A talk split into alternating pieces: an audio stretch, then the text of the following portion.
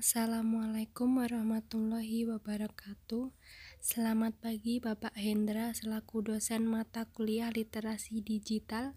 Sebelumnya perkenalkan saya Putri Dia Purnama dengan NIM 711420048 ingin memenuhi tugas pengganti UTS yaitu podcast tentang berita bohong atau hoax. Langsung saja akan saya bahas.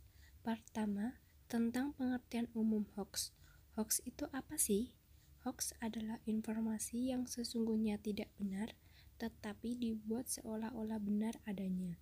Hal ini tidak sama dengan rumor, ilmu semu, maupun April Mop.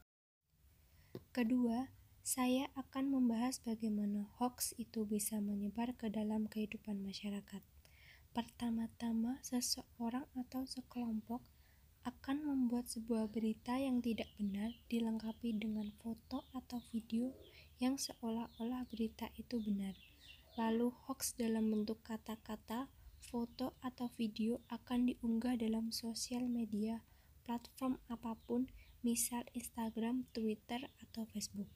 Lalu berita tersebut akan dilihat jutaan masyarakat Indonesia, bahkan bisa dilihat masyarakat luar negeri sekalipun. Setelah melihat berita hoax ini, masyarakat yang acuh kebenaran akan mudah percaya dan menyebarkan ke orang lain. Ketiga, lanjut saya akan membahas tentang tujuan dibuatnya berita hoax. Motif dari pembuatan berita hoax sangat beragam. Seseorang atau sekelompok membuat berita hoax dengan tujuan antara lain tujuan komersil atau ekonomi, tujuan menjatuhkan pihak lain, tujuan membuat gaduh masyarakat, tujuan politik, tujuan memprovokasi, memaki, menghina, dan tujuan lainnya yang pasti tidak ada tujuan positif dari pembuatan berita hoax. Keempat, nah di sini saya akan membahas tentang dampak dari penyebaran berita hoax. Dampak dari penyebaran berita hoax menurut saya tidak ada yang positif.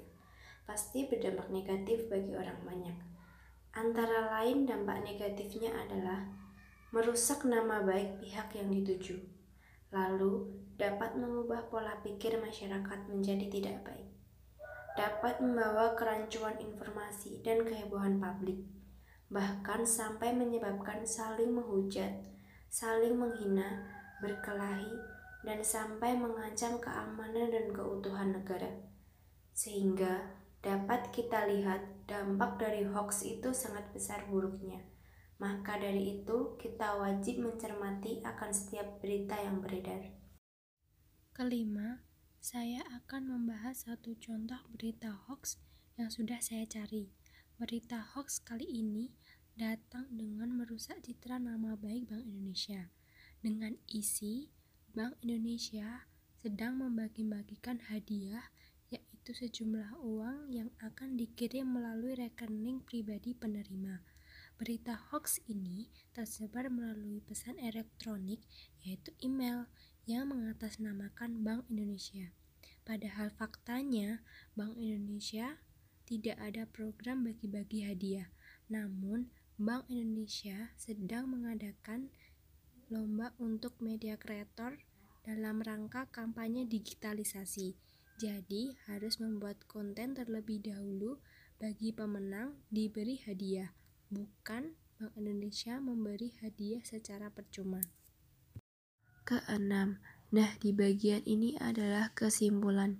Dari pemaparan saya yang pertama, kedua sampai kelima, dapat disimpulkan bahwa seiring majunya teknologi di zaman ini, tindak kriminal tidak hanya terjadi secara langsung, namun juga dapat berlangsung melalui media sosial.